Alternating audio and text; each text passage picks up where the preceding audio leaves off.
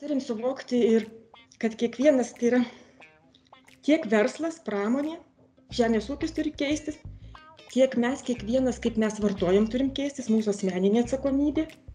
Lygiai taip pat ir politikų sprendimai turi keistis. Ir viskas šitas yra susiję, nėra vieno kaltininko iš principo, kas pirmiau višta ar kiaušinis. Pritarčiau tiems, kurie teigia, jog pandemija iš dalies prisideda jau dabar prie klimato grėsmės supratimo tą prasme, jog būdama globalia grėsme žmonėms pademonstruoja, ką tai reiškia globalus visą pasaulį apimantis iššūkis.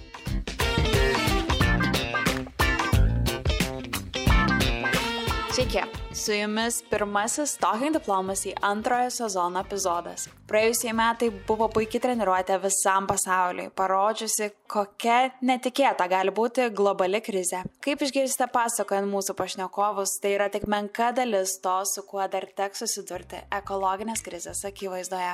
Apie klimato kaitą, aplinkosaugos krizę ir būdus, kaip Lietuva ir Europa gali prisidėti mažinant savo poveikį aplinkai, nuotoliniu būdu kalbėjome su aplinkosaugos koalicijos pirmininkė Lina Paškevičiūtė ir ambasadoriumi ypatingiems pavedimams klimato kaitos klausimais Edvilu Raudonikiu. Pirmiausia, susipažinkime su mūsų pašnekovais. Tai sveiki visi. Esu aplinkosaugos koalicijos atstovė. E, o aplinkosaugos koalicija yra aplinkosauginės nevyriausybinės organizacijas vienijanti organizacija. Tai mūsų kaip viso darinio tikslas yra būtent santarvė su gamta, švari aplinka, nes mes tame matome būtent kaip visuomenės gerovę ir nėra kito kelio, kaip tik tai iš tikrųjų tą gyvenšvarėje ir geroje aplinkoje. Tai po to, kai paskelbtas žaliasis kursas, mūsų tikslas dabar yra, mes tikim žaliuoju kursu, kad žaliasis kursas neliktų tik tai papirinė, bet iš tikrųjų pasisektų tiek Lietuvai, tiek ES, tiek pasauliui iš tikrųjų spręsti šias krizes. Aš pati esu iš tiesų atėjus visai iš kito sektoriaus. Mano formalus išsilavinimas yra informatika ir labai daug metų dirbau kaip veiklos analitikė, kuriant informacinės sistemas, šiek tiek kaip projektų vadovė. Ir maždaug prieš du metus tiesiog perėjau į aplinkosauginį sektorių, matydama, kad čia reikia darbo rankų ir tikėdama, kad galiu padaryti šiokį tokį pokytį tai tai yra kartu ir mano toks asmeninis projektas atnešti daugiau aplinkosaugos į Lietuvą. Taigi sveiki, mėly klausytojai, aš esu Edvilas Raudonikis ir šiuo metu užsienio reikalų ministerijoje esu ambasadoriumi ypatingiam pavedimam klimato diplomatijos klausimams. Arba kitaip tariant, esu toksai pareigūnas, kuris dirbdamas kartu su kolegomis iš kitų ministerijų, iš prezidentūros, vyriausybės kanceliarijos, mūsų parlamento siekėme koordinuoti Lietuvos pozicijas, visų pirma, ES ir už jos ribų, būtent šiuo vis aktualesniu, nutampančiu klimato kaitos klausimu. Aš pats diplomatiniai tarnyboje dirbu jau 24 metus. Esu buvęs ambasadoriumi Čekijoje, Šveicarijai, dirbęs Švedijoje, Austrijoje, kur, kur tiek teko dirbti tiek dvišališkai, tiek, tiek su jungtinėmis tautomis. Pirmoji mūsų pokalbio dalis apie tai, su kokiais iššūkiais susiduria Lietuva ir Europa, bei kas lieka nepaminėta viešajame diskurse. Gal galite papasakoti, su kokiais iššūkiais šiuo metu susiduria Lietuva ir pasaulis, kai mes kalbame apie ekologinę krizę pasaulio.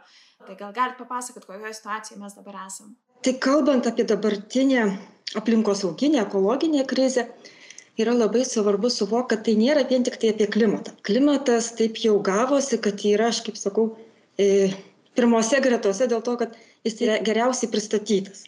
Bet jeigu mes žiūrėtumėm, kas ta krizė yra, tai yra tiek klimato kaita, tiek didelio masto gamtos nykimas, taip formaliau sakant biologinės įvairovės nykimas taip pat yra didelė e, tarša e, lygiai taip pat pereikvojimas mūsų gamtos resursų Ir viską šitą sudėjus, ką mes turime, mes turime, kad mes žmonėje jau kuris laikas gyvename į skolą.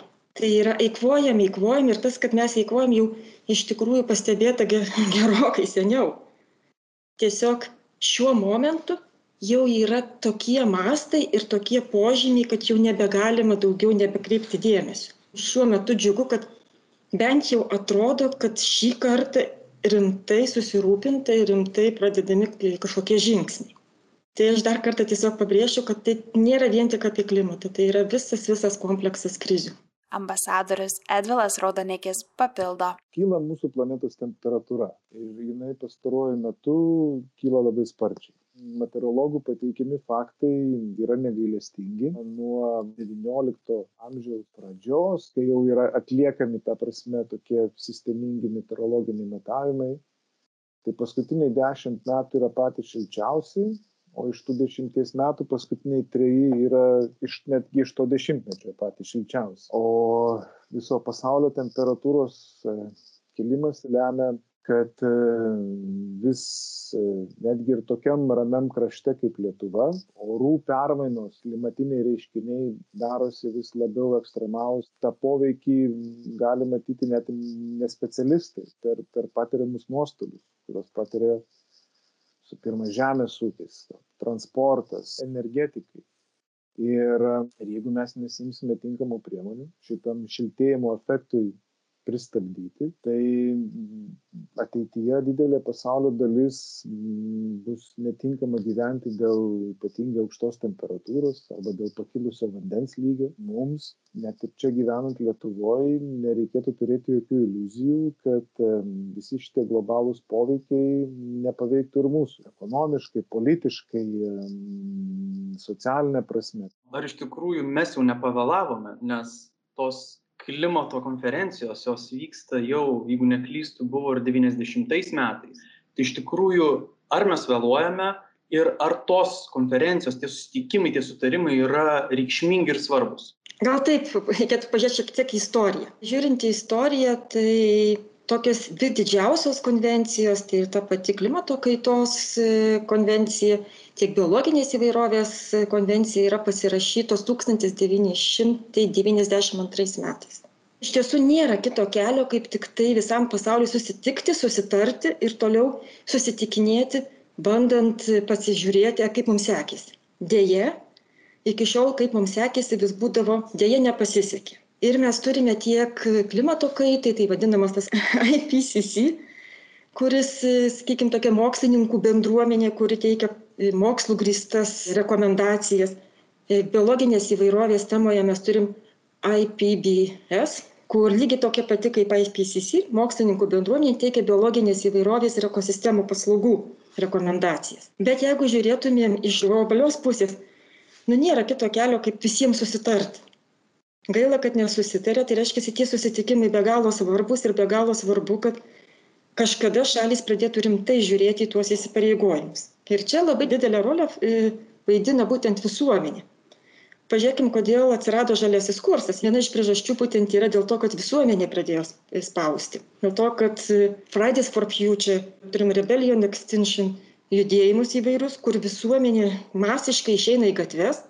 Ir padėkokim vakarų šalims kad jos tai padarė. Dėl to mes ir turime tuos politikų sprendimus. Tai iš principo kas gaunasi kad visuomenė turi irgi savo žodį. Aišku reikia dėt daug pastangų. Ir dėl to aš nematydama kito kelio vėl kar dar kartą su viltim žiūriu kad šitos konferencijos susitikimai šiais metais turės geresnį įtaką. Ir labai tikiuosi kad ateinantis dešimtmetis bus nu, kitoks, ne tik popierinis įgyvendinimas, bet tikras įgyvendinimas. Tai jau kaip ir užsiminėt apie būtent Europos žaliai kursą, tai gal galite papasakoti plačiau, kas tai yra, ką mes esam kaip ir įsipareigoję, ką Lietuva yra netgi įsipareigojusi ir koks būtų galutinis tikslas to žalio kurso. Kalbant apie žaliai kursą ir apskritai visokius green susitarimus, tai ką labai svarbu suvokti, kad esminė ir kertinė to dalis yra ekonomikos pertvarka ir gyvenimo būdo pertvarka. Vėlgi grįžtant į tai, ką sako mokslininkai ir ką sako įvairios aplinkos būklės ataskaitos, kad problemų širdis būtent glūdi tame, kaip mes, kaip visuomenė elgiamės, kokį gyvenimo būdą e, vedame. Ir jeigu norim pokyčių, tai visų pirma yra neapsaugoti konkretų mišką, o pakeisti mūsų elgesį, pakeisti mūsų ekonomiką. Ir jeigu žiūrėtumėm į Europos žaliojo kurso tą tokią diagramą pagrindinę, jos centras yra e, ekonomikos pertvarkymas siekiant tvarios ateities. Ir čia pabrėžiu žodį ekonomikos. Bet bet ką mes paimtumėm tai yra iš principo e, elgesio pokytis. Ir ką mato kaip pagrindinius tuos sektorius tai ir sako kad pramonė turi kitaip elgtis turim kitaip gaminti energiją turim kitaip statyti ir kitokiuose namuose gyventi renovuotuose. Mūsų žemės ūkis turi visiškai kitaip atrodyti ir taip pat mes turim visai kitaip judėti. Tai yra transportas. Tai yra penki pagrindiniai sektoriai kurie turi iš esmės persitvarkyti. Bet čia mes turim suvokti tiek verslas pramonė žemės ūkis turi keistis tiek mes kiekvienas kaip mes vartojam turim keistis mūsų asmeninė atsakomybė. Lygiai taip pat ir politikų sprendimai turi keistis. Ir viskas šitas yra susiję nėra vieno kaltininko. Iš principo kas pirmiau višta ar kiaušinis? Ar ar ar ir vis klausimas kas pirmiau? Ar verslas turi keistis ar vartotojų įpročiai? Tai čia matyt yra vienas kitą e, papildantys pokyčiai. Ir dar reikėtų ką pasakyti kas yra kertinis dalykas irgi žaliojo kurso tai taip vadinamas teisinga pertvarka just transition kas reiškia kad iš tikrųjų tos aplinkosauginės problemos jos yra ne tik aplinkosauginės jos yra ir socialinės tai pasaulis turi ir aplinkosauginę ir socialinę krizę vienu metu ir kas yra pabrėžiama kad su visa šita pertvarka turėtumėm labai labai žiūrėti, kad niekas neliktų pamirštas. Tai iš principo mes turime žiūrėti, kad ne, nebūtų laimėję tik, tik, sakykime, tie, kurie greičiausiai imliausi pokyčiams. O, sakykime, tie, kurie mažiau imlus pokyčiams, iš viso pradeda dar labiau skurs, negu kad dabar, sakykime, buvo kokia padėti. Tai tas persitvarkymas, jisai turi būti nebėgimas į priekį su naujom technologijom, o iš principo labai socialiai jautrus E, procesas. Ir kartu su tuo prasideda kiti dalykai. Tai yra, pavyzdžiui, ir švietimas. Švietimas turi visai kitaip žiūrėti, jis turi savo didelę misiją. Tiek mums šviesti, kur mes esame, tiek mus parengti naujam, naujam etapui. Finansai. Finansai vėlgi yra turim užtikrinti kad būtų finansuojama pertvarka kad nebūtų finansai liejami ten kur žalinga nu ir čia galima šnekėt ir tarp tarp tarptautinius santykius jau diplomatiją kas yra svarbu tai vėlgi kad europa sako kad turi būti lyderė manau kad ir lietuva jau gali būti lyderė. Ambasadorius raudonikis pakomentavo diplomatijos ir užsienio reikalų vaidmenį europos žaliojo kurso įgyvendinime. Visų pirma tai reikėtų akcentuoti keletą tokių aspektų kad mes užsienio reikalų ministerija lietuvoj būdami atsakingi už europos sąjungos politikos koordinaciją valstybės lygiu iš esmės labai ženkliai prisidedam kad na lietuvos pozicija lietuvos balsas būtų aiškus suprantamas koordinuotas visų pirma mūsų partneriams europoje pati europos sąjunga čia ne tokios jau senos diskusijos pusės metų apsisprendė jog mūsų sąjunga taps neutrali klimatui 2050 metais. Praėjus vos keletui mėnesių mes matome, kad ganėtinai didelė pasaulio dalis iš esmės seka ES pavyzdžių. Tai pradedant nuo Japonijos, Pietų Korejos, iš esmės amerikiečiai rengiasi artimiausiu metu oficialiai irgi patvirtinti šitos dalykus pasikeitus administracijai Junktinėse Amerikos valstijose, taip kad e, tos bendros tendencijos jau yra visai kitokios, negu buvo prieš pusmetį. Kur kas yra didesnė problema susitarti su tuo likusiu pasauliu. Šie metai tai yra klimato diplomatijos prasme, na, daugelis analitikų juos laiko tokiais išskirtiniais, todėl kad lakučio pradžioje turėtų įvykti nukeltas didžiulis renginys skirtas kovai su klimato kaita. Tai e, taip vadinamas cop dvidešim šeši. Tai yra po jungtinių tautų vėliava organizuojamas organizuojama pasaulinė konferencija kurios metu Paryžiaus susitarimą pasirašusios šalis jau 26 kartą iš esmės ieškos sprendimų, kaip, kaip pasauliniu mastu kovoti su klimato kaita ir tie iššūkiai iš ties yra nemaži.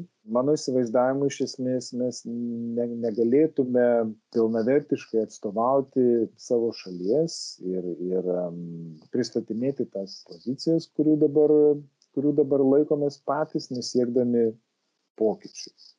O mes tų pokyčių galima pasiekti keisdami savo keliavimo įpročius keisdami, sakykime, tam tikrą darbo organizavimo metodus, keisdami, sakykime, požiūrį į kurias maitinimo paslaugas ir panašiai. Man džiugu pasakyti, kad užsienio reikalų ministerijoje iš esmės vyksta diskusija ir parengimieji darbai siekiant patvirtinti taip vadinamas tvarios, tai yra žalios ir skaitmeninės Lietuvos diplomatinės tarnybos gairė. Būtų toksai įvairių priemonių ir dokumentų rinkinys, kuris iš esmės kurtų daugiametę programą, kuri numatytų, sakykime, kaip per keletą metų na, visa mūsų diplomatinė tarnyba, užsienio reikalų ministerija ir mūsų atstovybės užsienyje galėtų sumažinti na, mūsų poveikį aplinkai. Norėčiau e, pasiklausti būtent apie tas, apie tas ir savokas, tas skambes, skambius pareiškimus iš įmonių kaip Amazon, Google, Apple arba iš šalių kaip Kinija, Junktinės valstijos, kurios yra vienas didžiausių teršėjų pasaulyje, kurios praneša, kad taps klimatui neutralios arba kalba apie nulinės emisijas, klimatui draugiškos šalis iš tikrųjų tų terminų yra labai daug ir ką jie visi reiškia, kurie yra patys svarbiausi. Ir būtent kaip kalbėjo dėl Lietuvos, kaip mums sekasi tvarkytis būtent su ta šalies įvaizdžio, ta užduotimi, ne tik įvaizdžio, bet ir pačios pasiekimu pačiu. Kur mums dar iš tikrųjų pasistengti dėl to reikėtų. Kalbant apie pačius pasaulio pasiekimus, tai aš iš tiesų e, kaip tik prieš laidą atsidariau e, portalą, man labai jisai patinka, e, World in Data, kur taip vis pateikia. Tai iš tikrųjų tas e, emisijos auga ir kai mes kalbame apie, apie emisijas, dar reikėtų suprasti, kad reikėtų žiūrėti ne vien tik į emisijas, jeigu kalbam apie biologinį įvairovę, reikėtų ir čia žiūrėti, kiek mes prarandam natūralios gamtos kampelių. Dėja, tokios statistikos labai gražiai vienoje vietoje nėra, bet e, manoma, kad yra prarasta jau du trečdaliai ir dar daugiau apskritai natūralios gamtos. Tai iš tiesų situacija, situacija dar matyt nepasiekė piko, Ir daugiau tai yra dėrybų ir kalbų lygmenyje. Dėl to tos konferencijos ir ką šiemet pas būtent pasakys šalys yra labai svarbu. Dabar jeigu kalbam apie pačią Europą, tai Europai gal sekasi visai neblogai, bent jau neauga tos emisijos. Bet čia mes turim suprasti kad dalis emisijų iš europos yra perkelta į kinijas tai yra kad jeigu mes kažkokią tai prekę perkamės iš kinijos iš principo reikėtų žiūrėti ne kiek pagaminta bet kur suvartota ir emisijas reikėtų žiūrėti pagal būtent vartojimo šalį. Bet tada europos europos indėlis iš tikrųjų būtų ženkliai ženkliai kitoks. Dabar neutralus klimatui tai reiškia kad apskritai jeigu kalbam mes apie emisijas tai yra kalbama apie tą vadinamą CO2, bet CO2 yra tik tai, tik tai vienas iš šiltnamio efektą sukeliančių dujų. E, mes turime ir kitas, bet viskas yra perskaičiuojama CO2 ekvivalentu, tiesiog, kad būtų galima pa, palyginti. Tai kas dabar yra neutralus klimatui, tai iš principo yra, kad e, šiltnamio efektą sukeliančių dujų išmetimas yra nedidesnis negu kad sugėrimas ir iš principo jeigu mes paimam tai balansas yra nulinis arba neigiamas. Jeigu mes kalbam dabar apie sugėrimą ir čia yra labai svarbi dalis kad e, be to ką dabar bando bandoma surasti dirbtinius sugėrimo būdus mes turim vieną labai didelį sugertuką tai yra gamta. Apskritai jeigu taip žiūrėt apie visą klimato kaitą sakykim taip labai grubiai grubiai šnekant kas yra svarbiausia ir kas tą sudaro. Yra būtent kiek mes išmetam tų vadinamo šiltnamio efektą sukeliančių dujų, kiek sugeria kažkas tai, tai yra iš principo, kiek sugeria gamta, kiek mes leidžiam jai sugerti. E, tai čia yra klimato kaitos e, efektų švelninimas. Ir jau pripažinta, kad viskas, mes ta prasme pavėlavę, reiškia, mes jau turim pradėti kalbėti apie prisitaikymą prie klimato kaitos. Ir čia yra jau antroji dalis. Tai yra, kokios gali būti prisitaikymo priemonės. Tai taip labai labai grubiai reiškia, reikia mažinti išmetimą, reikia gamtai sudaryti sąlygas, kuo daugiau sugerti, mes turim prisitaikyti ir turime jau ruoštis krizėms, krizės valdyti. Ir visi šitie keturi elementai visam šitam klimato kaitos diskursai yra be galo svarbus. Tai sakykime, Lietuvai kaip sekasi, Lietuvoje vis dar bendras išmetimas auga. Ir dabar naujausioje ataskaitoje, kiekvienais metais vis pateikiama ataskaita, tai sakoma, kad 2019 metais, lyginant su 2017 metais, 1 procentų yra daugiau išmesta ir daugiausia išmetė transporto ir energetikos sektorių. Dabar jeigu mes kalbam apie sugėrimą, sugertuką tą vadinamąjį.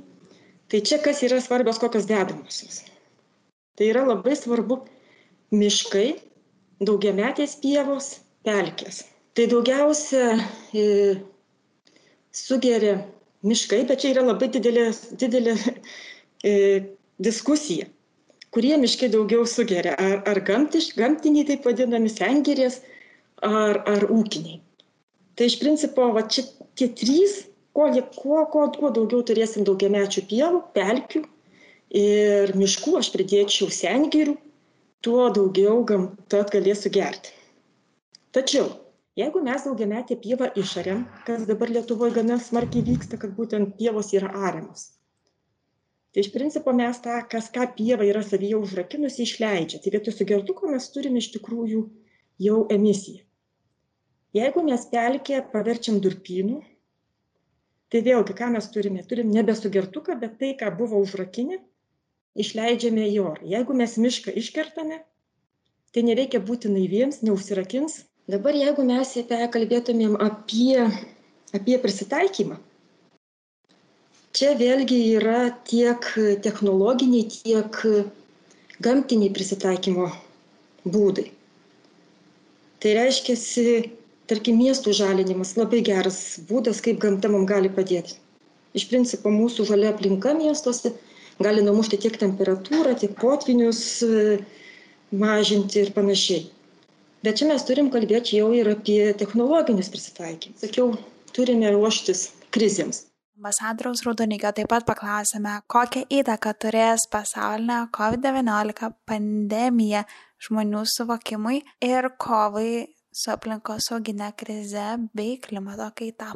Ir pati grėsmė yra iš vienos pusės panaši, bet, bet iš kitos pusės skirtinga. Ir mano galva, aš pritarčiau tiems, kurie teigia, jo pandemija iš dalies prisideda jau dabar prie klimato grėsmės supratimo tą prasme, jog būdama globalia grėsme žmonėms pademonstruoja, ką tai reiškia globalus visą pasaulį apimantis iššūkis. Klimato kaita irgi yra visiškai toks pat globalus visą pasaulį apimantis iššūkis, tik tai, na, vat, irgi kai kurių analitikų teigimu pati pandemija yra vaikų žaidimai palyginus su, su, su klimato grėsme. Todėl, kad um, norint ją įveikti tikrai mum visiem reikės skirti kur kas daugiau lėšų, kur kas daugiau pastangų ir tie rezultatai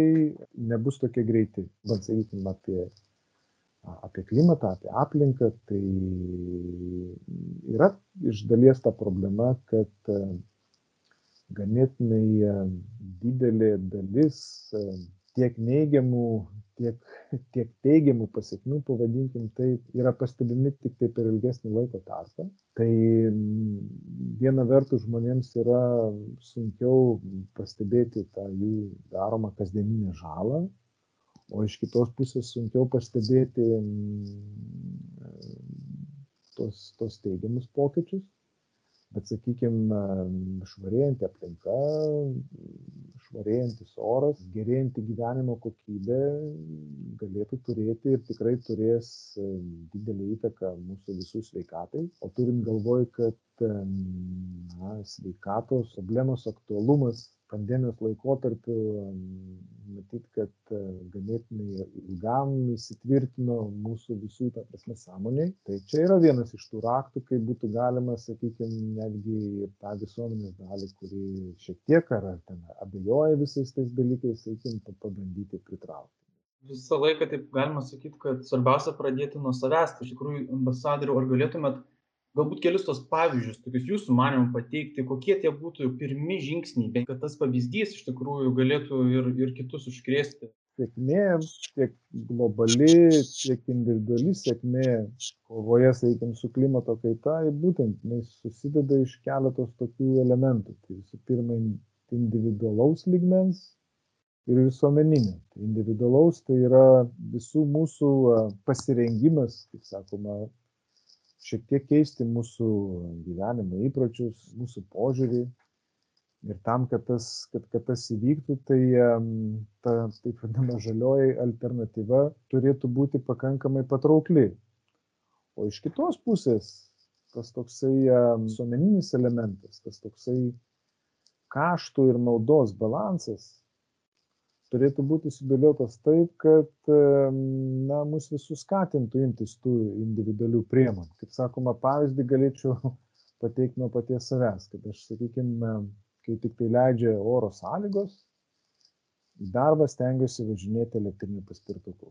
Nes man atrodo, kad gaišti laiką automobilį, kamštį nėra jokios prasmės, o man nėra didelė problema į kuprinę įsimesti striukę ir, ir, ir, ir kelnes nuo lietaus, jeigu staiga subjurtų oras.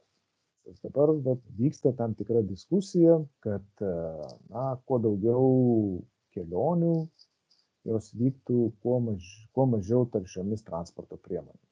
Na, ir Europoje diskutuojama apie tai, kad galėtų būti vėl atgaivintas naktinių traukinių tinklas. Tai, sakykime, atrodytų labai gražu viskas.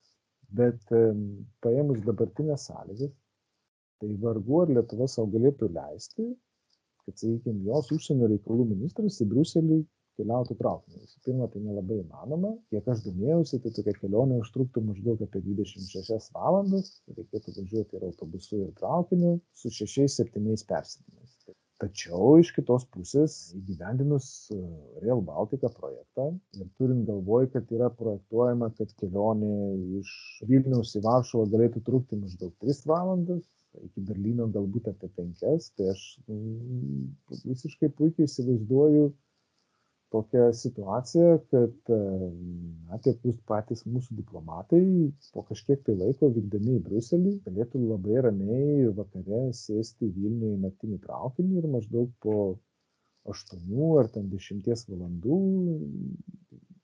komfortiškos kelionės, išlipti Briuselį ir būti pasirengę susitikimams, darybams ir panašiai. Jeigu mums visiems kartu pavyks kurti tokius draugišką aplinkai sprendimus, kurie kartu ir na, pagerina mūsų gyvenimo kokybę, tai manau, kad e, būtų toksai kelias, kuris galėtų surinkti tą kritinę masę žmonių, e, nusiteikusių keistis tam, kad tas proveržis įvyktų. Bet man įdomu dar paklausti jūsų nuomonę, ką mes kiekvienas asmeniškai galim padaryti, kad vat, sumažintume tą įtaką e, klimatui, sumažintume savo galų galę, gal net vartojimą ir panašiai. Labai teisingai pasakėte. Šiaip iš principo kiekvienas mūsų turi peržiūrėti savo vartojimo krepšelį. Ir kai mes kalbam apie vartojimą, tai nėra sakoma, kad yra nereikia vartoti. Tai pirmas dalykas, ką reikia pabrėžti, tai mums reikia vartoti mažiau resursams ir klimatui nedraugiškų prekių. Ir aš jau čia nuo savęs pridėsiu, kad e, ką būtina suvokti, kad tie pinigų srautai nebūtinai eina per, per daiktus. Mes galime turėti paslaugas, mes galime turėti eiti į meno renginius, mes galime kažką tai remt, ta prasme mes iš tikrųjų tas pirkimas jis neapsiriboja tik tai daiktais ir tą reikia būtinai žinoti. Iš principo kiekvieno mūsų krepšelėje daiktų turėtų būti kuo, kuo mažiau. O jeigu mes turim daiktus, tai tie daiktai turi būti pagaminti kuo draugiškesnės gamybos. Ir čia aš tai turiu tokį, va ir patys iš tikrųjų stengiuosi įgyvendinti tokį principą, pirkti labiau ilgamžius, ilgiau tarnaujančius daiktus, galbūt jie kainuoja brangiau, bet juos iš tikrųjų pirkti tuos, kurie tarnaus ilgiau ir pagaminti draugiškiau aplinkai. Ir čia jau yra visas tas, sakykime, ciklas tos žiedinės ekonomikos. Tai yra, jeigu perki, tai pirk draugišką. Čia kalbam apie daiktus. E, jeigu jau turi, tai tuomet stenkis atnaujinti, taisyti, pernaudoti. Jeigu jau to nepakanka, tai taip daryk, kad būtų perdirbta, reiškia, rušiuok. Ir iš principo į, į deginimą ir į savartynus turėtų keliauti labai nedaug. Praktiškai mm, kuo toliau, tuo mažiau, nes viskas turėtų užsisukti va būtent e, tame e, cikle. Galime pakeisti va šitą tokį mąstymą. Elementariai, nu, susitart galima su savim, kad per šiemet kelis daiktus neišmėsiu, o suremontuosiu. Arba baldas, kuris man nepatinka, šį atnaujinti bandysiu. Ir panašus požiūris, kuris jau pradeda keisti. Kitas dalykas, ką, ką reikia suvokti, kad vien tik tai žmonių pastangos nepadės reikalingas ir suvokimas ir iš principo politikų draugiškų aplinkai rinkimas, sąmoningas reikalavimas iš sprendimų prieimėjų, kad tie sprendimai būtų draugiški. Na ir paskutinis dalykas - nusiteikimas, kad bus tokių nepatogių sprendimų, kaip pavyzdžiui automobilių mokestis. Jisai tiesiog yra neišvengiamas, bet kadangi mes demokratiška šalis, mes privalom reikalauti, kad kai iš mūsų liepia mums mokėti už automobilį, kartu gerintų ir viešąjį transportą. Iš principo negali būti taip, kad iš mūsų kažką paima, bet mums neduoda alternatyvos. Čia vat, yra tas mūsų kaip pilietinis, asmeninis ir, ir sakykime, pilietinis nusiteikimas ir jis yra labai svarbus. Norėčiau dar vieno paskutinio klausimo, tokio pabaigai paklausti jūs. Iš tikrųjų, visą laiką pokalbius pabaigėme taip, tai dėl to palinkėjimo. Ko jūs palinkėtumėt Lietuvai, palinkėtumėt pasauliui, iš tikrųjų ne pačiai tai kovai su klimatu, bet iš tikrųjų tam pasauliui tampant geresniu. Ir mums patiems, ir visai, visai tai biologiniai įvairoviai, gyvūnams, medžiams, augalams, kad mes visi sugyventume toje santrauje. Tai ko galėtumėt palinkėti? Aš gal palinkėsiu atrasti kiekvienam žmogui prasme. Aš labai tikiu, kad jeigu kiekvienas mūsų galų gale pradėsim dirbti darbus tuos, kuriuos, kuriais tikime, situacija pagerės. Ir taip pat palinkėčiau lėtesnio pasaulio. Tai kad nebūtų to bėgimo, nes būtent kai bėgi ir dar bėgi netikėdamas tuo, ką darai, nu, tai tuomet ir prasideda didžiosios problemos. Tai lėčiau ir su daug daugiau prasmės. Palinkėjimas būtų labai paprastas. Linkiu keistis, tam, kad rytojus būtų neblogesnis už šiandieną. Visa žmonijos istorija yra apie kaitą. Mes visą laiką keitėmės ir toliau keičiamės. Tai tiesiog nereikia bijoti keistis ir šį kartą. Su jumis ir vėl buvo Talking Diplomacy. Ačiū, kad klausėtės. Nepamirškite sekti mūsų visose socialinių tinklų platformose bei klausytis ten, kur klausote savo mėgstamiausių tinklalaidžių. Iki kito karto.